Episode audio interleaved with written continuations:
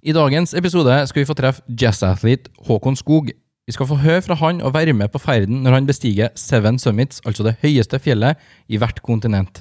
Her har han med saksofon på slep, og vi får høre om turen til Elbrus, hvor det går så ille at Håkon setter seg ned og spiller inn en videohilsen han tror er sitt farvel med familien. Håkon har klart å beholde eventyrlysten etter det her, og det er nettopp det som er temaet i dag. Eventyrlyst.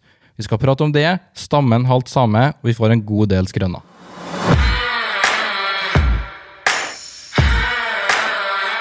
Imagine the drone video of Aconcagua. You can hear the drums coming like Okay. or something like that. Yeah. And the melody is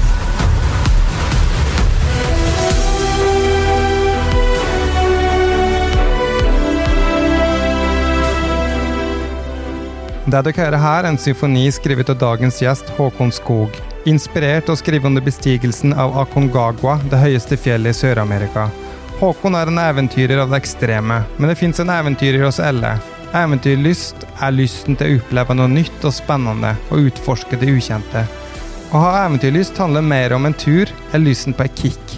Den er støtt med oss, enten det er hjemme, på jobb, det er en mentalitet. Eh, Stian er eventyrlysten på sin måte, og Marius i episode tre fikk oss vite at den var ja, eventyrlysten i senga. Sex og samliv episode ikke tre. jeg huske, Hvis du ikke det, så bare sett deg på den. Okay.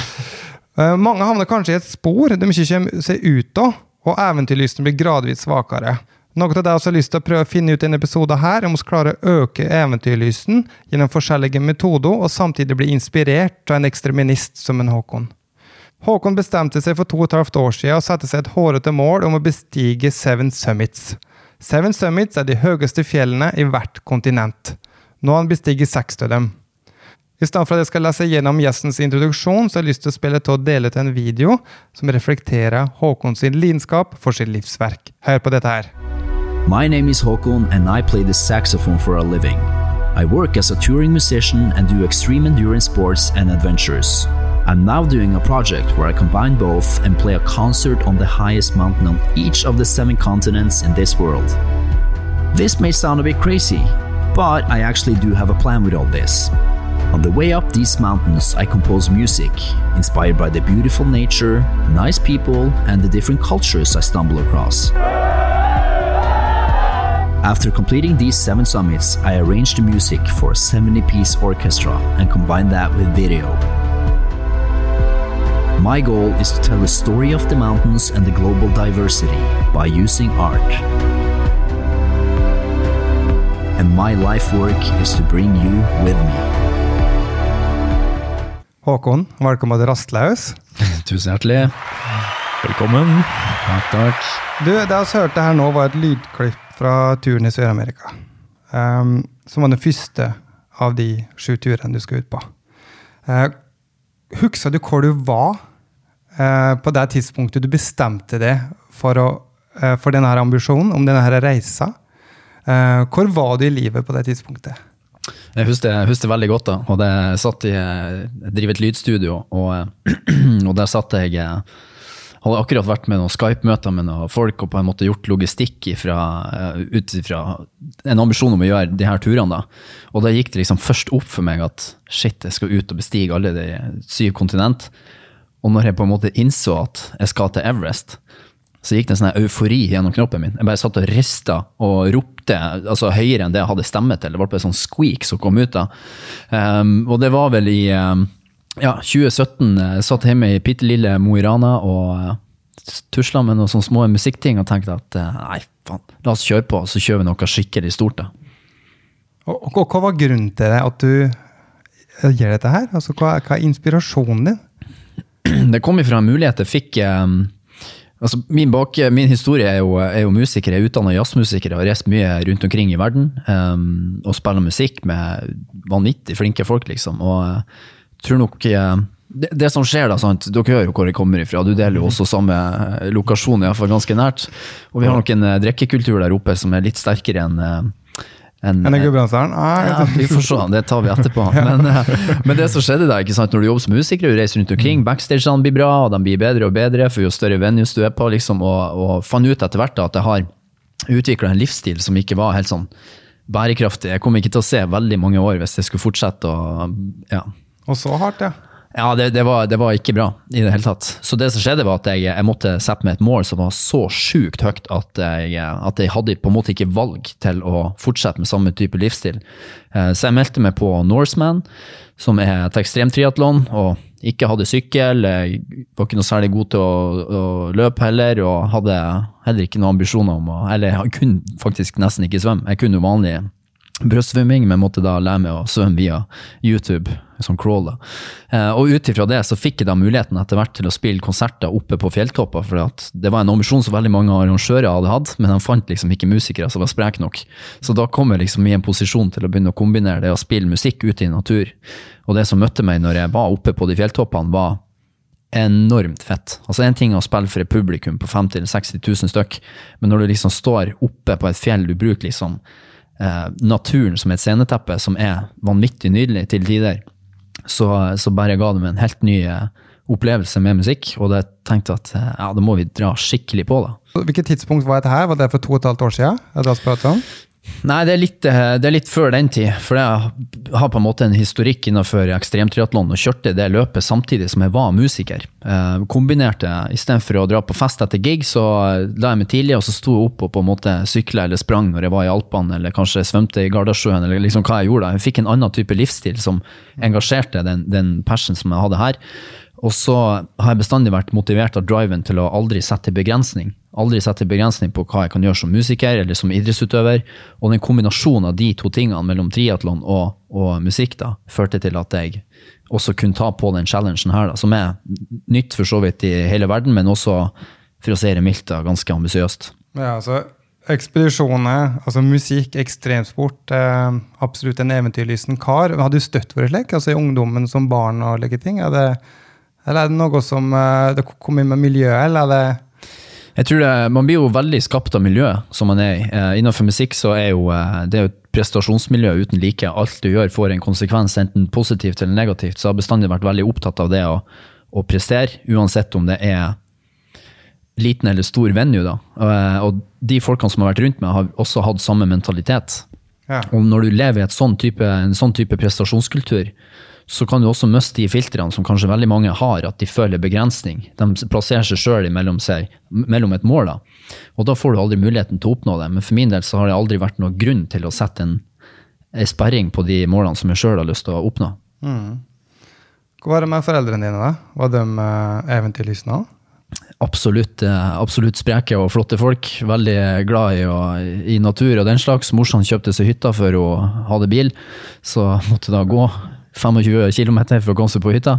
Men jeg var liksom bestandig drevet av det. Jeg har de verdiene i bunn. Men det er klart, eh, fra en gutt som da starta i korps og eh, fort, kjørte den karrieren der, så var vel ikke kanskje Everest det som var Ja. Og så gjorde han research på dette her med liksom, altså, eventyrlysten. Er det mil, kun miljø, eller kun genetisk? da? Men det viser seg at det er et gen da, som ligger til oss. da som gjør at det er mer tilbøyelighet for liksom, å ta risiko, da, og som er nysgjerrig på å finne ut uh, det nye. da. Um, men det her med miljøet er jo kanskje da enda viktigere. Uh, og uh, Mo i Rana, altså nordlendinger det, det er gærne folk, da. Jeg har hatt litt av en historie der, jeg òg. Også du, Marius, du bor jo i Mosjøen. Ja, det er liksom erkerivale moværing og Ja, det er mye slåssing ja. mellom de byene, så det, det, det, det her kommer fram etterpå. Ja, det er nok det. men, tror du eh, altså, det at du oppvokste der du har gjort, eh, har påvirka det eh, til den du er i dag, i form av en den ambisjonen du har sett det her, da? Ja, det tror jeg absolutt. Man blir, man blir definert av omgivelsene. og For min del så har jeg vært ganske streng på hvem som er inne i livet mitt eller ikke. Man har fått mye folk imot meg hvis jeg på en måte har valgt å kutte dem ut for at jeg føler at de ikke har noe å tilføye i livet mitt. Så hvis de ikke har det, så har jeg føler at jeg heller ikke har noen ting å gi tilbake. og Det er et sånn usunt forhold, så jeg har vært veldig sånn bevisst på at det kan jeg ikke ha. Um, også når du blir ekstremt engasjert i det å skal nå et mål innenfor musikk eller idrett, eller hva det enn skulle være, så er du nødt til å, å, å, avsette så enormt mye tid på det at du får bort de der eh, ja, for, eh, forstyrrelsene som veldig mange kanskje har i en vanlig hverdag, med det å gjøre skal ikke si at det er negativt, for min del var det forstyrrelser, men vanlige sånn sosiale ting, å gå ut og drikke pils med akkurat de samme gang etter gang etter gang, etter gang, det var ikke det jeg søkte. Nei. Så Sånn sett så tror jeg det absolutt det er miljøbevisst at man, man, man setter tempoet ut ifra hvilket mål man setter seg. Men så må man jo se på genetikken. da, altså Norge som folkeslag er jo kjent for å være de fremste eventyrerne i verden. altså Roald Amundsen og Fridtjof Nansen, sant? Det, det sitter jo i folkesjela på oss alle. Så jeg tror det er heller unormalt at man ikke finner eventyrlysten. Ikke unormalt for en nordmann, og ikke så unormalt for en moværing. eller Er det typisk moværing, eller, Marius? Er det, synes du det? Nei, Jeg vet ikke om jeg er rett til å bedømme, da. Men jeg har jo bodd på Mo. Jeg syns det er veldig mye flotte folk. Mye, mye turfolk. Men jeg, men jeg tror egentlig det har sett dypere, da. Sånn som så, Håkon, det er jo Selv om du er på tur, det er jo en eventyr en annerledes. Så jeg tror det er, det er en kombinasjon, men du må være litt tøff. Og så, og så der du sier med å kutte ut venner, det er veldig vanskelig. Da er det en annen egenskap. Da må du jo være, du jo være tøff og kutte ut de du ser er dårlig for deg, selv om det er enklere å beholde alle. Så ja, jeg tror det er egenskaper Ja. og oppvekst. Jeg tror det òg. Altså, jeg er øh, resultat og oppvokst i det miljøet jeg har gjort. Og jeg har jo vært, i Mo i Rana sjøl. Om det er kjent, jeg skal ikke prate om det ennå, i hvert fall, men jeg legger denne Rana-hallen der eh, to år, 2017 og 2019. Eh, og hadde show da, med freestyle motocross og BMX og sparkesykkel og snøscooter og litt forskjellig. da. Um, og det Og Jompa. og Jompa. Jompa var med. Det var jævlig bra show! Uh, jævlig mye bra publikum, men altså, altså folket generelt er så sykt positive og imøtekommende. Um, og så var det tøffe arbeidsfolk, da. Så um, Stian, du var jo med, du. eh, andre året i hvert fall. Er du ikke enig i det? Jo, det var holdt på å si, det, det var ikke noen enkle ting vi ba om fra de frivillige oppi der. og det var det er ikke ofte man blir møtt bare av et ja eller det ordner vi så fort så enkelt som man ble oppi der. Så det, det er ikke noe tvil om at det er arbeidshjernen og, og holdningene som man kanskje ser litt utafor byen, preges veldig godt oppi der, og det vises veldig godt. Arbeidshjernene. Det er det. Så jeg, jeg støtter en eller annen tosk da, som stjeler jompadrakta og buksa mi. og Ja, kom ikke langt med det, men det kan jo være at det var noen fra Mosjøen som har tatt turen inn der, da. Det, Ja, jeg tar på meg skylda på vegne av mosjøværingene. For, Ja. det, for det. Det tror jeg er helt riktig, for det, det fant vi faktisk aldri ut da. Det, vi fikk tilbake jompadrakten, men jeansen, jeansen til Villa, det er det noen oppi Mo som sitter, sitter med ennå. Altså. Men uansett, det her med miljø det påvirker så utrolig. Du sier jo det at vi er gjennomsnittet av de fem personene som omgås med mest. Uh, så derfor det har blitt nå nedskalert podkast annenhver uke med ut av. Du blir gjerne brun til slutt med beta-protein Marius. Som meg, så nå, det ligger noe godt an for, eh, for tan her. Ja, men, men altså, hvis du blir bli mer eventyrlystne, så må du omgås med mer eventyrlystne folk. I, i, i forskjellige former. Det er gründere, eller om det er noe som det er, det er en hobby du blir inn på, så må de eh, komme i kontakt med dem som driver de hobbyene, osv. Uh, men så Håkon, tilbake til turene dine. Altså, på hvilken måte tar du inspirasjon fra disse turene og så skriver musikk ut av det? For altså, det du har til, det er jo å skrive en symfoni som skal bli framført med 70, et orkester med 70 deltakere, kan si det på musikkspråket. Ja. Eh, For min del så er jo eh, det å på en måte bestige de høyeste fjellene rundt omkring, det er, det ingen ambisjon for meg å vise at jeg er sprek, at jeg er i god form og liksom kan gå på Everest og vise at det gikk fint. liksom alt Det der, det er ikke min greie i det hele tatt, det får andre ta seg av. Jeg har en, eh, en helt annen ambisjon med det jeg driver på med, det er faktisk kunstnerisk. Noe som er kanskje litt utradisjonelt. da. Um, For det jeg gjør, er bestiger de her fjellene. På veien opp så skriver jeg da en symfoni ut ifra hva jeg er møtt med. Og grunnen til at jeg har valgt de her sju fjellene, er for at jeg vet at det er de plassene i verden du kanskje møter størst kontraster innenfor, innenfor det man kan oppleve på ganske kort tid. Og jeg er jo veldig opptatt av de kontrastene. Hvis at jeg da kan være en så god musiker at jeg kan plassere deg i, en, eh, i operaen og slenge på eh, Kringkastingsorkesteret med 70 deltakere eller musikere, som du, som du selv sier, vis det skreddersydd video i bakgrunnen, og ikke minst du da får høre historier om hvorfor musikken høres ut sånn som man gjør. Da har man nådd også en ny dimensjon innenfor musikk og formidling, og det er akkurat den der jeg, jeg chaser. Og jeg tror som alle, alle eventyrer, alle som har satt seg et mål og oppnådd det, de har en eller annen slags visjon om hva det er de egentlig prøver å, å få til. og det jeg ser så sjukt tydelig for meg akkurat den settingen hvor jeg da står på den scenen med de musikerne bak meg. Man presterer eh, det man kan musikalsk sett for de som sitter i salen, og så ser man også inntrykkene av de som er der ute. Det er et moment som jeg, jeg det kommer enten til å bli helt magisk, eller så dør jeg ved den tanken. Altså, for er, jeg må finne ut hvordan det er. Og den nysgjerrigheten der tror jeg er litt sånn viktig. for at man må, man må være såpass man må ha en så stor drive innenfor det man driver på med, at noen ting annet enn plan B er ikke et option. For med en gang du har en plan B, Ja. når det going gets tough, så kommer du til å gå til plan B, og da har du mista hele målet. Men, men når du starta den ideen her, du hadde noen forventninger. Eh, nå er du ikke helt ferdig med prosjektet, men kan føle det går i forhold til forventningene du hadde?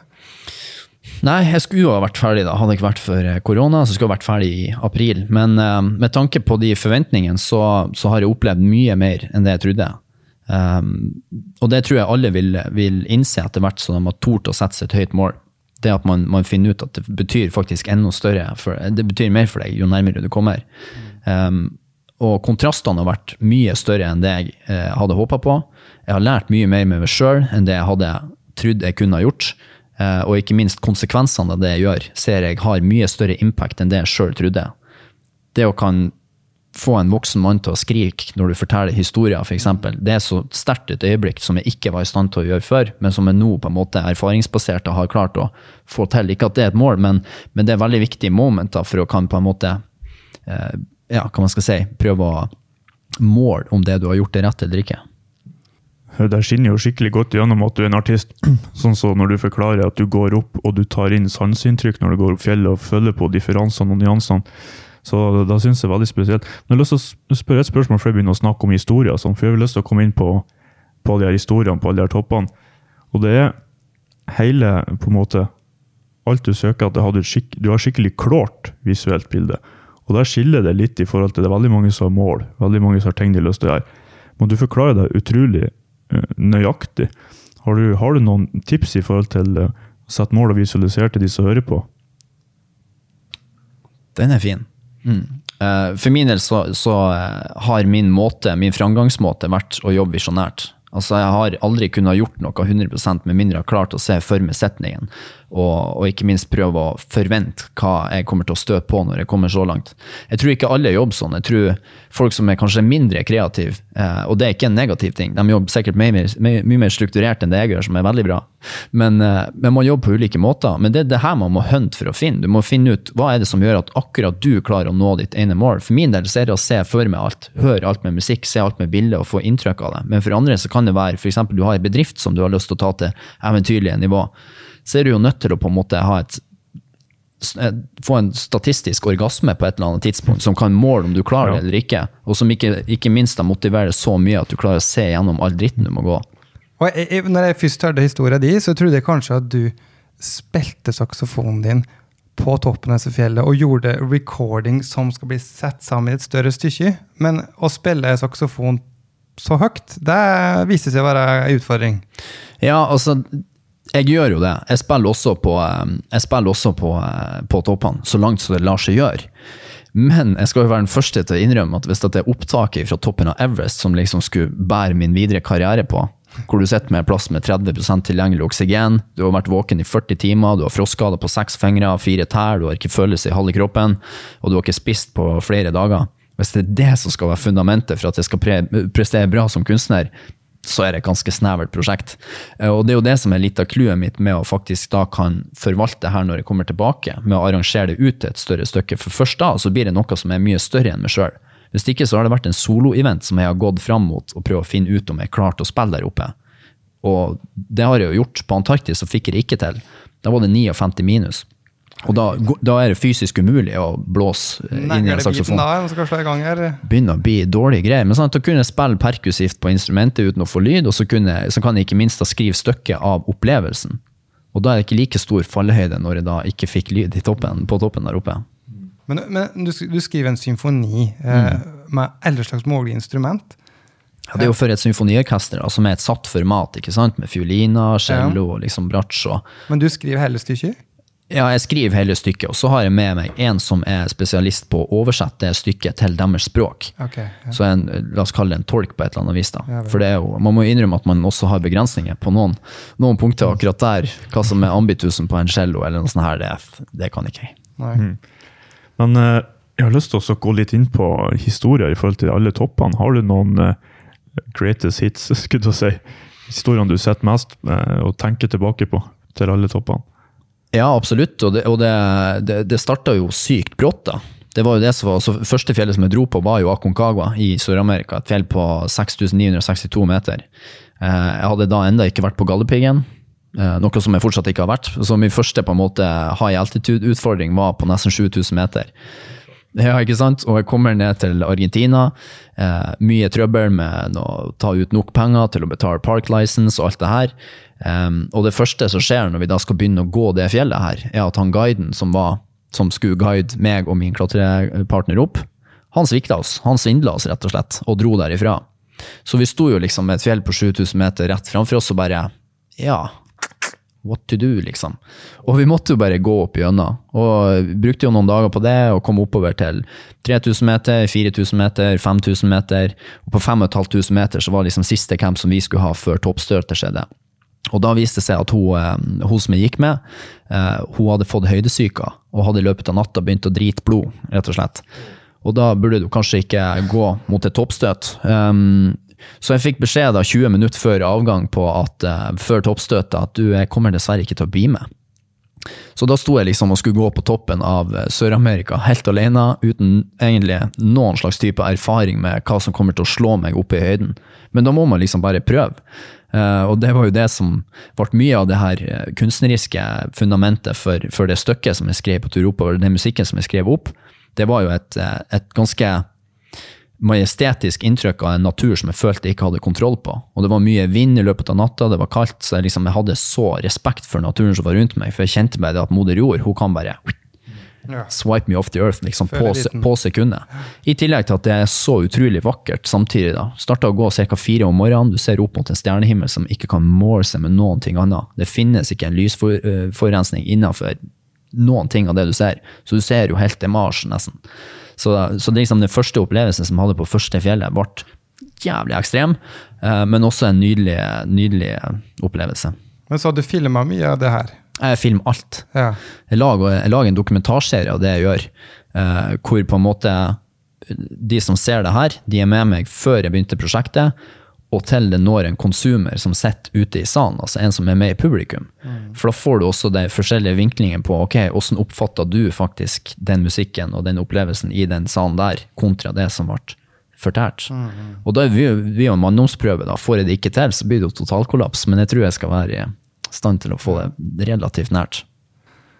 Ok, etter Sør-Amerika, hva, hva var neste tur, da? Ja, man støter på et eller annet på hver, hvert eneste fjell. Det er jo det som er spennende med ekspedisjoner. Da dro jeg oppover. Ok, folkens, der gikk faktisk mikrofonen hos Marius i gulvet. Ok, we're back! Og så fått mikrofonen eh, på plass igjen. Og skal inn i da tur nummer to, som skulle til Denali. Denali. Yes, altså høyeste fjellet da i Nord-Amerika. Det var, det var, det var sjukt kult, da, for jeg dro på, jeg hadde først en gig i New York, en studiogig der borte. Så jeg dro rett til Brooklyn og kjørte den greia der. Gjorde liksom alt du må gjøre i New York med Times Square, og reiste rundt og var på puber og fine restauranter, uteplasser, og trente, sprang i Central Park. Det var liksom det var starten på den, på den reisen som jeg hadde, og så dro jeg rett oppover til Alaska, da, hvor det fjellet ligger. i... Bare skyt inn fort der. Skriver du altså, Da skriver jeg fortsatt skriver du musikk. fortsatt Ja, ja, ja. mens du opplever de tingene òg? går ut av døra, vet du, så begynner, så begynner kverneriet. Da er vi i gang. Men det er, sånn, det, det er jo en del av reisen. altså Det å oppleve kultur, det å oppleve mennesker, og ikke minst finne ut av den kontrasten som et kontinent har å by på. Det er veldig på søken etter. Um, og på en måte det kommer til å bli en ganske sentral del av, av det stykket som kommer fra Nord-Amerika, det fjellet. Det er jo den store, ikke sant. Uh, musikalsk sett så er jo New York det er jo big band jazz. ikke sant? Det var jo der jazzen uh, utvikla seg etter New Orleans og ble metropol.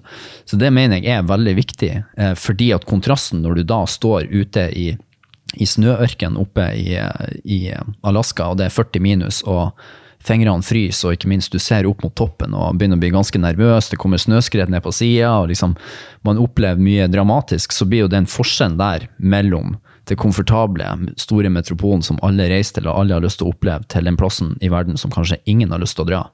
Eh, Og det, det fjellet er kjent for å være en av de kaldeste plassene i verden. Og eh, kjent som den tredje pol.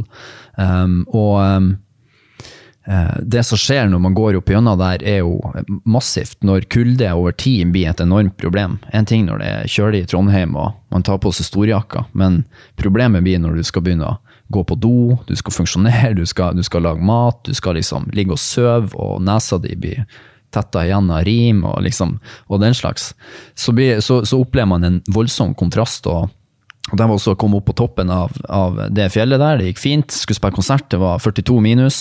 Um, noe som var relativt kjølig. Det gikk fint, jeg fikk lyd i saksen, spilte det jeg skulle gjøre. Men så, Når du sier spille konsert, ja. da står du da Da står jeg med saksen og prøver å spille over ja. hodet så lenge som mulig. Ja, for Ja. Det, her, er det er jo et, et beskrevet inn et stykke, så det skal stemme med Mm. måten du spiller på. Så da skrev, så jeg, da, nettopp, og da skrev den, da spilte jeg den melodien som jeg skrev på tur opp, og litt sånn kos rundt omkring. da. Um, og det som skjer, er at um, jeg etter hvert hadde gjort det, det gikk fint, skulle begynne å gå ned, men fant ut at jeg da ikke hadde bilde for Instagram. Uh, måtte ta det bildet der. Tok opp saksen på nytt igjen uten hansker, og sto da med et metallstykke i nevene i minus 42. Og det er jo jævlig kjølig, da. Så jeg fikk jo lette frostskader på alle fingrene. Eh, det gikk fint, kom ned av fjellet. Og for dem som kanskje har vært i USA, så legger man jo fort merke til at det er sånn fancy elektroniske fingeravtrykklesere. Og når Ja. du da skal reise ut av landet, og det ikke funker, så er det et dårlig land å på en måte begynne å bli suspicious i. Um, og når da coverhistoria di er at du var spilte konsert på toppen av Nord-Amerika, så er det liksom, det skal litt til før du, før du ja, får sluppet derifra. Men etter hvert så kunne jeg vise bilder og video, og da ble det liksom en, en liten gag da i Securitas-avdelinga i Anchorage. Ble bildet bra, da? Siden du Jeg vil, ikke på, jeg vil ikke påstå at det ble så jævlig bra, men det er et viktig bilde, ikke sant? Pics or it didn't happen, liksom. Nei, jeg tenker siden det var et Instagram-bilde som leda til det der, så var det noe jeg hadde, jeg hadde satt min lit til det bildet. altså. Ja, jeg hadde jo akkurat fått restaurant i overleppa, så liksom når den frøs, så ble det også et problem. Restaurant Tala. Ja.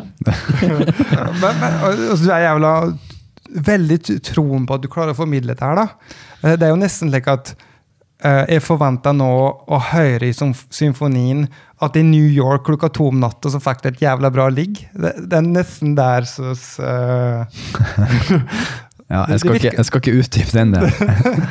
Nei, men eh, um, Men med bilder er kanskje viktig for folk å forstå. Eh, Med bilder av ligget. ja, Ja. Det er noe annet lyst enn André har begynt med noe Det ligger allerede ute. Det er noe, det er noe der som er vanskelig å formidle. men det er bra. Ja. Det, er, det, er, det er utrolig vanskelig å formidle, og det blir jo bare vanskeligere og vanskeligere. Ja, fordi at sant, Som korpsgutt så er du veldig usikker på deg sjøl. Du har gått igjennom masse, alle vennene dine er større enn deg, og du er litt Ja. Nei, men eh, Og så, eh, tredje tur. Hva, hva var det? Ja, da dro jeg til Afrika, som er et sinnssykt kontinent. Fy flatere er fett der. ikke sant? Det er jo så massiv kultur. De lever jo i en verden som vi ikke kan ane oss. Og der var det liksom Kilimanjaro er jo ikke den største utfordringa i, i verden, så den gikk på en måte fin. Eh, De jeg gikk med, fikk høydesyke, gikk ikke så fint med de, men jeg kom, nå- jeg kom iallfall opp. Og på toppen der så blir jeg jo gjenkjent av ei dame fra USA som bare Oh my god, are you that jazz elite guy Oh, playing shit. saxophone? Og jeg bare Yeah! Ikke sant?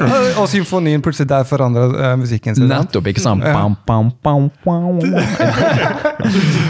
Nei, så, Sexual healing. ja, ikke sant? Så eh, den blir veldig inspirert av den låta. Nei da. Men, eh, men det som er litt av clouet, gjennom at du spurte om, om kultur og sånn, og, på en måte hvorfor, hvorfor New York inn i den greia der, er at det legger veldig mye tid i å oppsøke kultur på det kontinentet som er, sånn at jeg får en forståelse for musikalsk sett, og ikke minst altså, visuelt sett, av åssen plass det er man egentlig reiser gjennom. Så der eh, dro jeg faktisk, etter å ha gjort det vanlige, dra på safari, jeg sto og hoppa sånn høydehopp med den Masai-stammen, så dro jeg ut til en sånn her stamme som ligger utrolig langt utafor sivilisasjonen der. Vi måtte kjøre bil i to dager for å, for å liksom komme oss utover dit. Til en bitte liten sånn stamme som heter Had Sabestammen Ikke har de klær, de går i Halvt samestammen. Ja, Nesten. Eh, De bærer jo ikke klær, i motsetning til samer som går med kofte. da. Eh, Men eh, de gikk i bavianskinn, eh, og de satt bare rundt et bål. og liksom, Det var jævla dårlig stemning når vi kom dit. For at de hadde ikke sett hvite folk, liksom, så de ante jo liksom ikke hva skjer, hvorfor er de her? Jeg var jo der for å oppleve, ikke sant? jeg var jo dritgira. Um, og så sitter de der, og så måtte vi betale dem uh, for å få møte dem. Du betaler ikke med cash, vi måtte betale med weed. Eh, Så da fikk, da fikk de det, og da var det litt sånn, ok, greit, men fortsatt ikke. Det var litt sånn dårlig stemning. Og de snakka sånn klikkspråk, da. Så han kom opp til meg, han stammelederen, og så sier han mm, mm, mm. Og jeg bare Ja, ok. Mm, mm, mm. Og jeg bare Å ja, nettopp, du heter. Skjønner. Ja. Trivelig. Håkon William Skog Erlandsen her. ikke sant?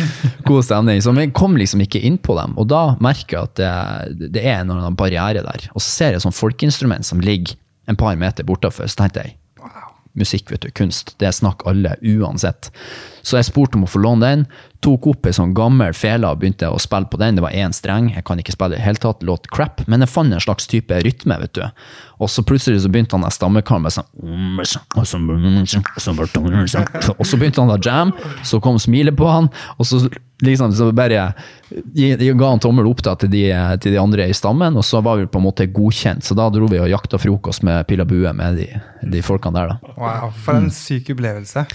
Men eh, det er ikke helt skjønna hvorfor er det så lite folk som har møtt dem? Søkte dere mot dem, eller var dere på vei opp på det fjellet tilfeldigvis? Eller altså, Jeg søkte spesifikt mot de. gjorde det? Jeg, eh, kan, kom du i kontakt med dem? Jeg fant en, fant en operatør som eh, for Når man reiser rundt på de plassene her, når man hører ordet guide, sant, så tror man at man blir leid med handa opp eh, til toppen. Det er ikke tilfellet i det hele tatt. En guide er, er en som har eh, ansvaret for sikkerhet, det er greit, men så er han også en fasilitør på den plassen som du kommer. Så jeg snakka med det selskapet som jeg fant i, i Tanzania. Og så spurte jeg hva er den sjukeste plassen i Afrika, altså typ i Tanzania. da? Hvem er den mest perifere stammen dere kjenner til som vi kan dra og besøke? For jeg er på utkikk etter en opplevelse som folk ikke nødvendigvis har. Jeg skal ikke si, i og med at jeg ikke snakker klikkspråk, om det har vært en hviting der eller ikke, men det føltes iallfall som at det ikke har vært det. Eh, Så for min del så er det en opplevelse med de eh, like viktig som det å klatre fjellet, å få en kulturell forståelse for hva er det som er rundt fjellet. For selve reisen opp fjellet er, Et fjell er jo et fjell.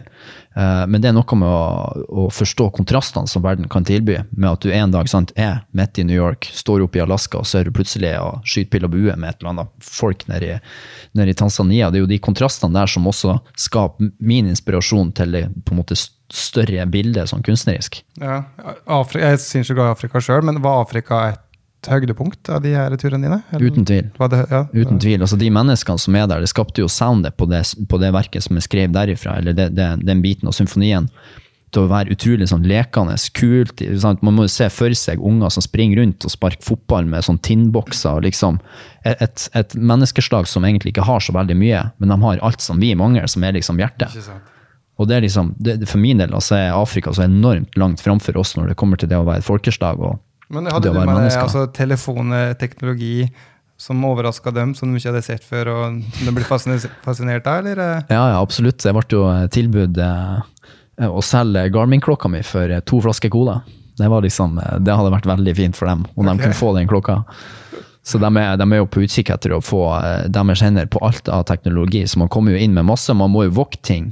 Men det må du liksom uansett om du drar til Oslo. Så eh, Men hva var det han i stammen sa når han kom opp til det? Hva han sa? han sa mm, mm, mm. Jeg er sikker på at han ikke spurte om har du papir. Ja, jeg er bra sikker med For det er akkurat i den weed, kanskje Du, rullingspapir, det hadde jeg ikke tenkt på det. Ja, ja, ja. Det, ikke klær, men de må ha masse sånn her eh, Ja. Nice. Eh, og så gikk du videre. Helt korrekt. Dro til Everest etter det. Wow. Som er jo, det er jo en milepæl for de fleste eventyrere, egentlig. Og for mange så er det jo kanskje symbolet på, på det å sette seg et enormt høyt mål, om du klarer det eller ikke. Det er jo det fine med fjelltopper. da, det at det, det går liksom kun oppover, og enten så kommer du til toppen, eller så kommer du ikke opp til toppen. Så det er på en måte det simple med å klatre et fjell. Enten så når du målet, eller så når du ikke målet. Og det kan da dokumenteres med et Instagram-bilde på toppen av der, ikke sant. Um, og det er jo en reise som har uh, utrolig mye forventninger tilknyttet rundt seg. ikke sant? Hva kommer man til å, skje, til å se der oppe? Hva må man da uh, forberede seg på? Eh, og når du da jobber opp mot eh, risikable ekspedisjoner, så er jo logistikken og det arbeidet som du gjør i forkant, alt. Altså det å gjennomføre en, en ekspedisjon, det er virkelig det beste som finnes, at det er kun et resultat av godt arbeid. Har du gjort dårlig arbeid, så er det en dårlig opplevelse. Um, men det, hele forarbeidet der med det å trene med, med tung oppakning for å gikk eh, sekstimersturer med dykkesettet på ryggen og for å få gnagsår spesifikt, sånn at man ikke får det når du kommer på Everest. Jeg leste mye om religion før jeg dro dit, for å forstå de menneskene som man skal møte. Hva må man forstå? Hva må man ha respekt for? Du kan liksom ikke komme dit og begynne å gjøre sånn simple, simple religiøse og på en måte eh, ja, overtråkk, da. For det er en dødssynd der oppe. Det fikk vi også på nær tolv personer som døde fordi at de ikke behandla eh, folk bra. da. Um, og ikke minst, du må jo sette inn i åssen type fjell er det, hvor tekniske klatringa, eh, åssen utstyr skal du bruke, åssen utstyr bruker du når kroppen din stenger seg totalt av, hodet ditt slår seg av. Hvordan bruker du da i isøks? Hvordan skal du da liksom begynne med klatretau? Hvordan skal du da på en måte gjøre ting? Hvordan knyter skoen din når du ikke klarer å tenke? Det er liksom, det er simpelt her nede. Pga. Høyden, du kommer jo opp i et klima som er så jævlig så du kan få det. Så det er jo, du må jo forberede kroppen din på at uh, over veldig mange dager så får du ikke spist. Eh, og det er fordi at eh, kroppen går i nødmodus, han sender blod til hjertet og lunger og hjerne, og da boikotter han alt annet ikke sant, som skjer hvis du blir veldig kald. Og hvis du da spiser en Snickers på 8000 meter, så kommer han ut like hel som han gjør. Så, så, som du spiste han. Og, og, og det er liksom, man må ta utgangspunkt i at kroppen og alt feil.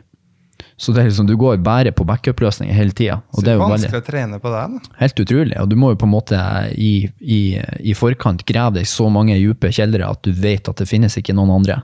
For hvis du fysisk begynner å nå kjelleren din på Everest, ja, da sliter du ganske kraftig, for det er så mange andre forutsetninger som også spiller inn. Og, Men, da- men da så, ryker så pratet jeg om som planlegging av turen og hvor stort crewet ditt var. Mm. Og så hadde du sherpaer med deg, som du legde nede der.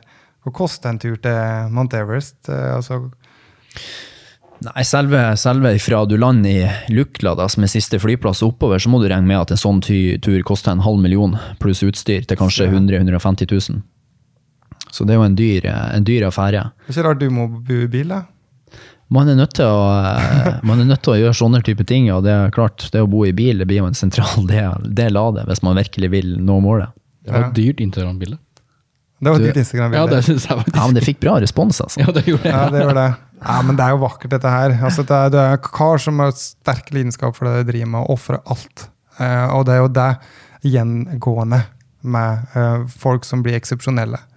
Eh, og jeg liker altså, det er jo altså, Visjonen din er god, ikke? Det har jeg hørt som en spennende historie. Og bare det vesle klippet som jeg fikk tilsendt, som vi hørte i starten av sendinga her òg. Det var en liten smakebit på hva det skal bli, så jeg gleder meg skikkelig. Um, så nå er vi på eh, tur nummer fire, hvis jeg regner rett. Nummer fem. Fem, ja. Eh, og tur nummer seks, Ja. hva er det da?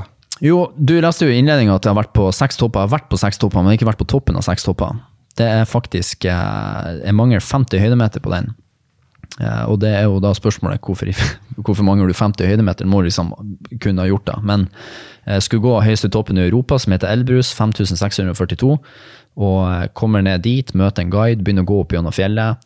Skulle gjøre et toppstøt og rett og slett bli fanga i en klasse 2-orkan eh, når vi er rett oppe på toppen. Og det som skjer da, er at eh, vinden er så sterk at det løfter han opp, kaster han i meg. Og det er sånn som skjer, vi hadde vel på, på, på maks opp mot 45 eh, eh, Ja, kan det bli 45 meter i sekundet vind. Som er, det, det er mye. Um, og når du da er eksponert for alt, sant? det var 32,9 minus, og når du da får liksom alt det her samla opp, så blir det ekstremt stor påkjenning. Og det som skjer da, er at han som jeg går med, vi var et team på to, han uh, får panikk. Total panikk. Eh, og da var vi liksom, vi drev og lette etter toppen. Vi så ingenting. Så kanskje, kanskje to meter fremfor oss. Um, og bare, Jeg så på han, prøvde å kommunisere med han. Han snakka utrolig dårlig engelsk. Så jeg bare kan jo ikke russisk i hele tatt. eh, og bare så på han, så han var helt borte. Han begynte å få blå lepper, som er et dårlig, eh, ja, et dårlig tegn. Og det som skjer, er at jeg bare sier til han Let's turn around. Eh, Det er ikke verdt det liksom, å ofre livet for å komme på en fjelltopp. Og eh, Du så på at han var i fare, ja, og du måtte dra pluggen. det, ja, absolutt. Du sjøl, da? Du Jeg, var, jeg hadde det ganske ok. Ja. Jeg, hadde, jeg har gode systemer på kulde, kanskje enda mer enn han, fordi at man er vant med et arktisk miljø. Mer enn de som lever såpass langt sør i Russland, for han har vært på toppen 2000 ganger før. Så han har alt av forutsetninger for å gjøre det bra, men han har også et litt større ansvar på skuldrene enn jeg har, i og med at han i teorien har eh, ansvaret for min sikkerhet. Og når han da kjenner at den glipper ut av hans eh, fingre, så får han rett og slett panikk. Um, og han begynner å, Vi hadde med ski, vi skulle kjøre ned på ski. Han tar på seg skien og bare begynner å kjøre før jeg er klar. Og jeg bare what satan, nå må jeg må begynne å kjøre etter han sånn at jeg ikke mister han, for snøsporene de føk igjen med en gang. Jeg tok han igjen, ropte til han Alex, Alex, you gotta stop. ikke sant? Så vi kjører nedover fjellet der, um, og det la han merke til, for jeg så på min GPS. To system. eh, og han kjører feil. Han kjører eh, ja, ca. 90 grader feil da, i retning, og han, han kjører rett mot et stort brefall. Som, Du kjører, du, du kan ski med deg. Kjører på skia. Ja. Og han kjører rett mot et stort brefall som har enorme sprekker, som er risikabelt. Det er liksom den eneste plassen du ikke burde gå. Um, og jeg klarer ikke å ta han igjen. Plutselig så forsvinner han nedfor en, en kant, uh, og jeg kommer rett etter han. Prøver å bremse på blåis, funker ikke. Jeg kommer rett etter han, og detter også utafor, ned et stup på ja, seks-syv meter. Land i løssnø, ingen problem. Men jeg tenker jo faen, nå må vi liksom, nå må vi diskutere dette her. Før jeg har klart å røyse meg opp, så har han kjørt videre. Uh, og jeg bare rett etter han ropte 'Alex, Alex, you gotta stop!' Og, og kjører liksom videre. Jeg ser ingen manns ting. Plutselig så bare så smeller han i en, en stor isvegg som kommer ut av intet, i og med at det er total whiteout, og skall hodet i. Um, og jeg bare faen, er det så feil han, liksom?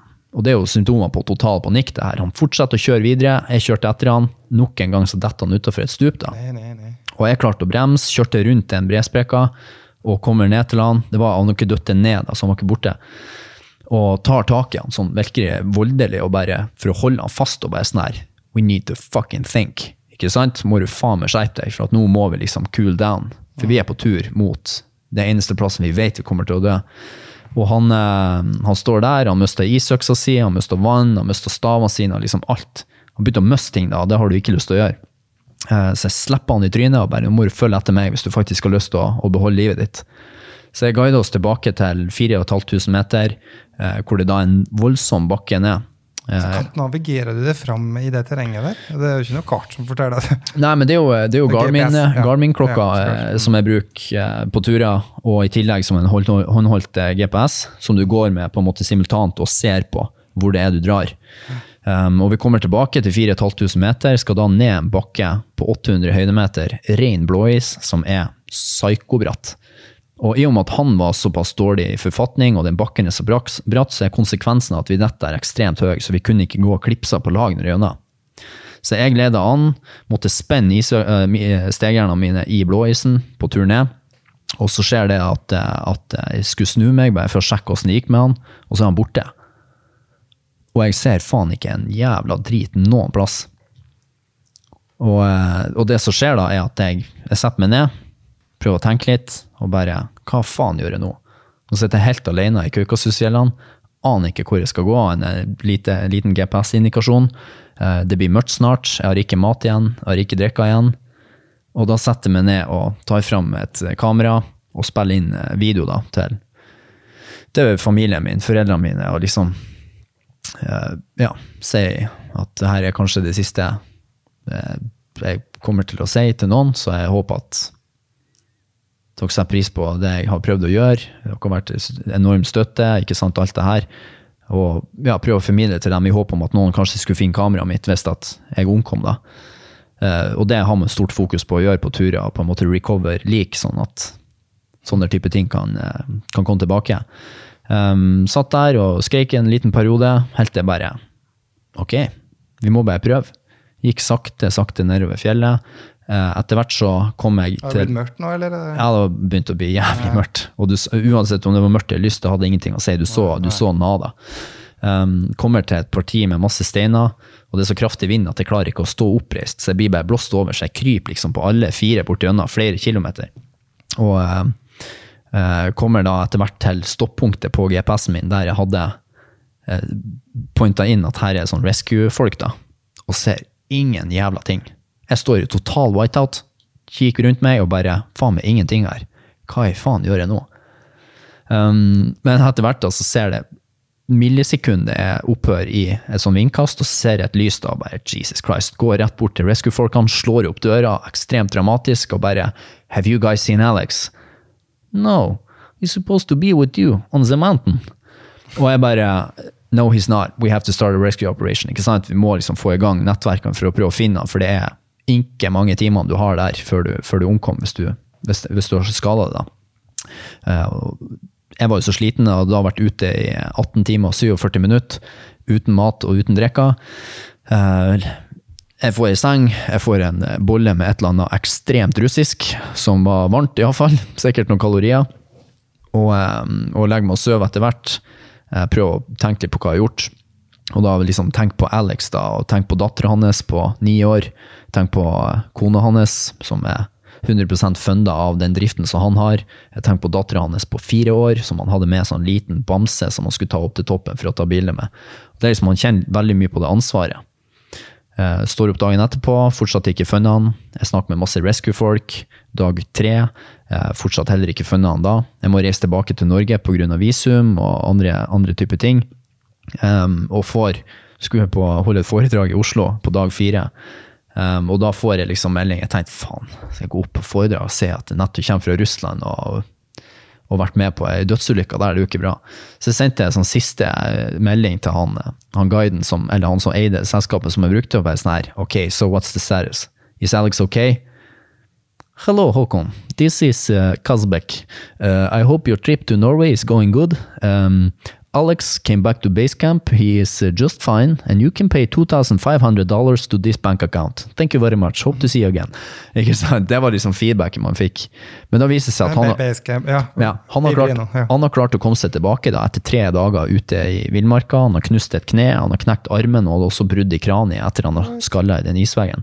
Så det, det er jo I den isveggen som du så han kjørte inn. Nettopp. Så det er jo en eh, ekspedisjon som ikke gikk bra.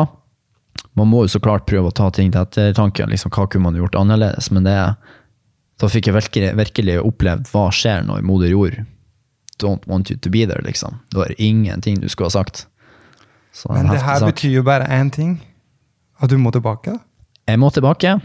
Jeg skulle ha vært der i mars, eh, men det ble jo ikke. Men, men tenk, jo på, tenk nå på musikken som kommer ut derifra.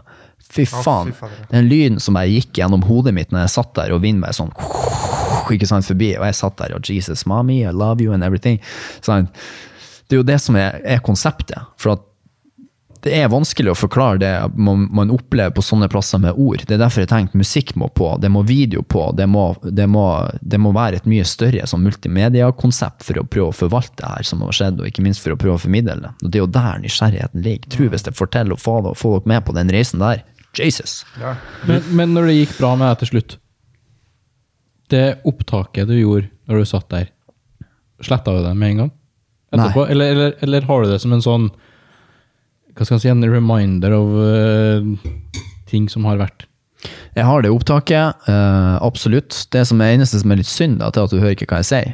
For at vind er jo, blæster jo så sjukt mye, så det er bare et langt opptak med Ikke sant? Ja, det er faen så spennende, altså. Mm. Det er helt vilt. Det er jo eh, Du kunne jo miste livet ditt på duoen Alex. Ja, absolutt. Så det er jo eh, det er, jo, eh, det er jo til ettertanke, liksom. eh, Når man setter seg sånne ting, og når man opplever det, det absolutt verste, da, så må man jo ta en ny runde og tenke er det, er det da faktisk verdt det? Når man har vært så nært, og ikke minst man har vært nær i, i mange andre sammenhenger òg, så, så blir man sånn Ja, hva er det egentlig man driver på med, da? Er, du, er det verdt det, eller er det ikke verdt det? Den konsekvensanalysen der er, den er heftig. Og det er jo så klart Det kan jo sikkert du snakke masse om, men det, det, jeg, jeg ser for meg at noe en- Jeg regner med, jeg får håpe at noe endrer seg i hodet mitt når jeg først får en unge, og jeg kommer inn på det stadiet i livet at man skal prøve å etablere noe mer, så får jeg faen meg håpe at jeg begynner å skjerpe meg. Ja, det håper jeg, ja. Mm. ja det gjør det, skjønner du. Det har noe med verdien din forandrer seg. Mm. Skjer det når du, du får din andre? Da, eller? Ansvaret for noen. Hæ? Skjer det når du får din andre? Jeg forstår det andre. Nå blir ikke- Nei, men det er, det er et godt spørsmål. Er det verdt det? Men samtidig så er det jo det her tingen som gjør det til den du er. og Det er det som får deg til å leve. Mm. Um, og det er jo ganske uforståelig for folk, eh, uten å skjønne den store dosa med lidenskapen som du har. da. Spesielt nå når du har fått denne visjonen her òg. Mm. Uh, mangler en topp. To topper. Det er en topp du til det året på. Antarktis. Ja, jeg tok, jeg tok en topp nå i jula, hvor jeg da reiste fra min egen familie på julaften, og øh, kjente litt på den, så klart. Topp Tok av en jula, topp i jula. det, Liksom. Vi òg det, men det var, ikke, det var ikke langt unna familien. Nei, det er ganske Det er jo lang reise, da. Det er på Antarktis, så det blir jo veldig på andre sida av jorda. Det er jo vanskelig å komme seg dit. Det er ekstremt dyr tur. Ja vel. Eh, ja, det er helt pisse jævlig. Altså, fly, du må først reise ned til helt eh, sør i Chile, og så må du da sitte på et sånn russisk eh, transportfly over til isen til Antarktis. Og det er liksom, jeg tror det er verdens dyreste flybillett eller et eller annet. Helt Og, og du får reiste dit med D pluss N? Ja, jeg og en, eh, en klatrekamerat som for så vidt var på Everest med, vi dro dit sammen Thomas Lone heter han, og vi klatra det fjellet der nede. Som er Det, det er jo så pisse langt unna at det er helt sjukt. Det, er, det er jo en plass på verden som Ja, du kommer ikke lenger langt bort. Det er jo det som er utfordringa med det fjellet. Det er på en måte ikke det klatretekniske. Det er et fjell på 4892 meter, så det er ikke så veldig høyt. Men du er på en plass som er ufattelig kald absolutt døgnet rundt. Eh, sola varm liksom ikke i det hele tatt, nesten. Og eh, ja, det er vrient. Sola, sola der er også oppe 24-7 når det er sesong. Eh, så du må jo også kjenne på den og få lite søvn. Og ikke minst på toppstøtet så klarer vi å gå opp på den dagen i året hvor det var verst vær. Så var det liksom, vi kom opp på toppen der, og det blåste helt sinnssykt. ikke sant? Og det var jo da jeg skulle begynne å spille, og det var liksom 59 effektive minus. og det Teit idé, altså. Ja, og det er mange som sikkert sitter og hører på det nå, som kunne tenkt seg å oppleve mye av det du har gjort. Kanskje ikke de hardeste turene på toppen, eller ikke ting. Um, og som kanskje har en eventyrlyst lyst i seg, da, men kanskje ikke så stor. Men har et ønske om at det skal være mer. Altså, har du noe råd du kan gi dem, som en eventyr, uh, eventyrer du er sjøl, til folk for å bli litt mer eventyrlystne? Ja, Oppskrifta er jo ganske, ganske simpel, uh, egentlig. Du må, du må stop fucking around. Uh, fordi at det, det, eneste som er mellom deg og, og, det du ønsker å gjøre, er deg sjøl. Det er ingen som kommer og sier at nei, nå må du ikke trene for at det er ikke bra for deg. Det vet alle at det er bra. Altså, det å gjøre en større på en måte, ting, det å sette seg et høyere mål, kommer til å være en konsekvens av at du endrer deg bitte litt hver eneste dag. Og jeg tror folk tenker så vanvittig stort. Hvis at de skal springe et maraton, så nytter det ikke å starte med å trene på halvmaratonnivå. Du er nødt til å starte med kilometer for kilometer. Skal du klatre med Everest, så burde du kanskje så klart begynne med Galdhøpiggen, da, eller så må du gjøre andre ting. Men, men, du må liksom starte gradvis, og du må endre alt det du gjør, bitte litt mot det målet hver eneste dag. For det er totalsummen av alle de små valgene som kommer til å bli viktige. Det er liksom ikke det at du skal gjøre et skippertak inn mot å gå Everest. Og det her er jo relaterbart til alle som studerer som sitter siste uka er stressa over at de har gjort for lite hele året. Det er jo akkurat det man snakker om. Bare sett ut i livet til alt annet mål, så er det bare å endre litt på det. Ja, for Du starter jo kanskje der da med det fundamentale, altså liksom helse og kosthold og føle seg bra. Eh, for å ha eventyrlyst så må det ha en slags eh, eh, overskudd da, og en energi jo, og du, du, man får energi av å trene, du får jo energi av å gjøre gode valg, så du må på en måte tillate deg sjøl å komme inn på en god loop. Det er jo, det er jo Jeg har jo også søppeldager. Jeg elsker jo ikke å fære ut i storm og hat i syv timer. Det er jo ikke hyggelig. Men jeg vet jo at det som skjer inni meg når jeg er ferdig med den økta, når jeg kommer inn og kan kose meg med å faktisk ta det litt med ro, det er jo det som gir meg styrke, det er jo det som gir meg energi til neste dag. Mm. Så man er på en måte nødt til å til å kaste den dørstokkmila man har, enda mer. For det om det er en klisjé, så er det faktisk en klisjé fordi at det faktisk er sant. Så enkelt å ta den lette veien med minst motstand. Mm. Uh, uh, og så er det jo det som, som, skjer, at folk mister gradvis eventyrlysten. da. Uh, og hvis du ser på menn, f.eks., det er jo dette her med det eldre du blir, til mindre testosteron du. Mm. Som har òg påvirkning på det. Og da er det jo ting du kan gjøre der òg. Altså trening, kosthold, passe på at du får aktiv vitamin D, som er en mm. viktig faktor på det.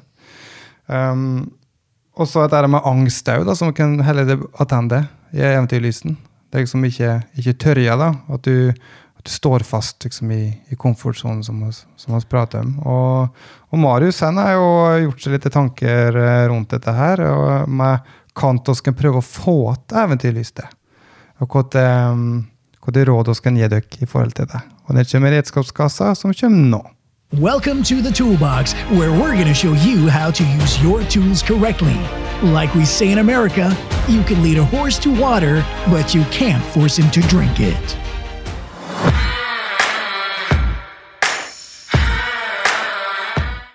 Yes. Eh, viktig å se på nytt. Eh, eventyrlyst er en mentalitet. Det er ikke en ting man gjør nødvendigvis. Det er ikke et eventyr man drar på, men en måte å tenke på. Så viktig å bryte opp gamle rutiner. Vi mennesker er jo rutinedyr. Vi gjør ofte de samme tingene med de samme folkene. Prøv å tenke helt nytt. Dra på malekurs, bestige et fjell, sove i telt. Gjør noe helt nytt med helt nye folk. Kanskje ta språkkurs. Det er, gjør hva som helst som dere ikke har gjort før. Opplev nye ting. Så det med meningsfulle samtaler. Det er utrolig, en utrolig viktig del av å menneske, oppleve nye ting og oppleve ny stimuli. Snakk med andre mennesker om andre ting som er litt meningsfylt, ikke sånn 'hvordan er været' og sånne type ting. Og så til slutt, det som kanskje viktigst, det er en måte å få det her gjennomførbart på. Sett opp planer, finn en person så dere holder hverandre eh, ansvarlig til å bli bedre på det her. Det var en turkompis, en person du har kjent lenge, og sett mål og følg dem opp.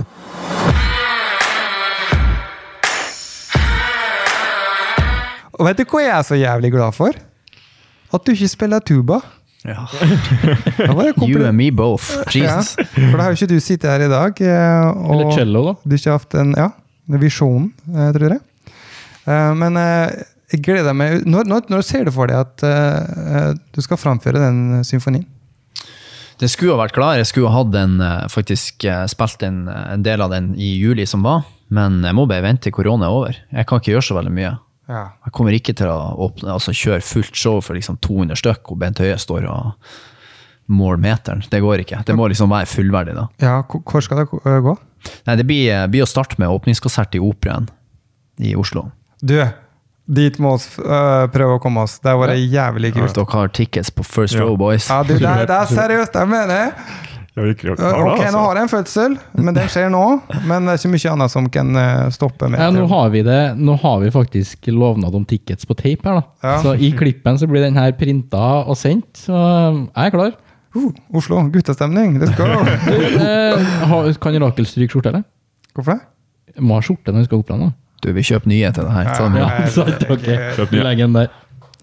Um, Håkon, det har vært utrolig trivelig å ha deg som gjest. Um, jeg har sittet på kanten av stolen gjennom mye av sendinga her, uh, og ønsker lykke til videre. Um, du har med saksofon, og ved outroen her nå, kan ikke du bare slå på en liten sekretær bed for oss, og så rundes det av sendinga? Tusen hjertelig takk. My pleasure. Og så klart vi må ha en sånn uh, themesong. Har hatt- Vi får se hva som kommer. Det er jo Ja. litt on the fly, men uh. 14. episode er over. Og så ofte hyggelig. Her med Håkon. Eh, Jeg er blitt inspirert. Jeg håper dere har blitt det òg. Håper dere blir litt mer eventyrlystne. Prøv å komme dere litt ut av komfortsona. Eh, Jeg er Stian og Marius skal på guttetur til Operaen i Oslo. Gleder oss til å se symfonien klar. Eh, Og når det gjelder dere lyttere, så send gjerne inn en e-mail til oss. eh, Og kom med ønsker på tema og gjester som vi skal ta fram. I neste episode får vi besøk av en søvnekspert, noe som jeg personlig gleder meg til. For i natt lå jeg oppe til å være igjen og gleder meg til dagens podkast. Ha det bra! Ha det godt. Takk for i dag.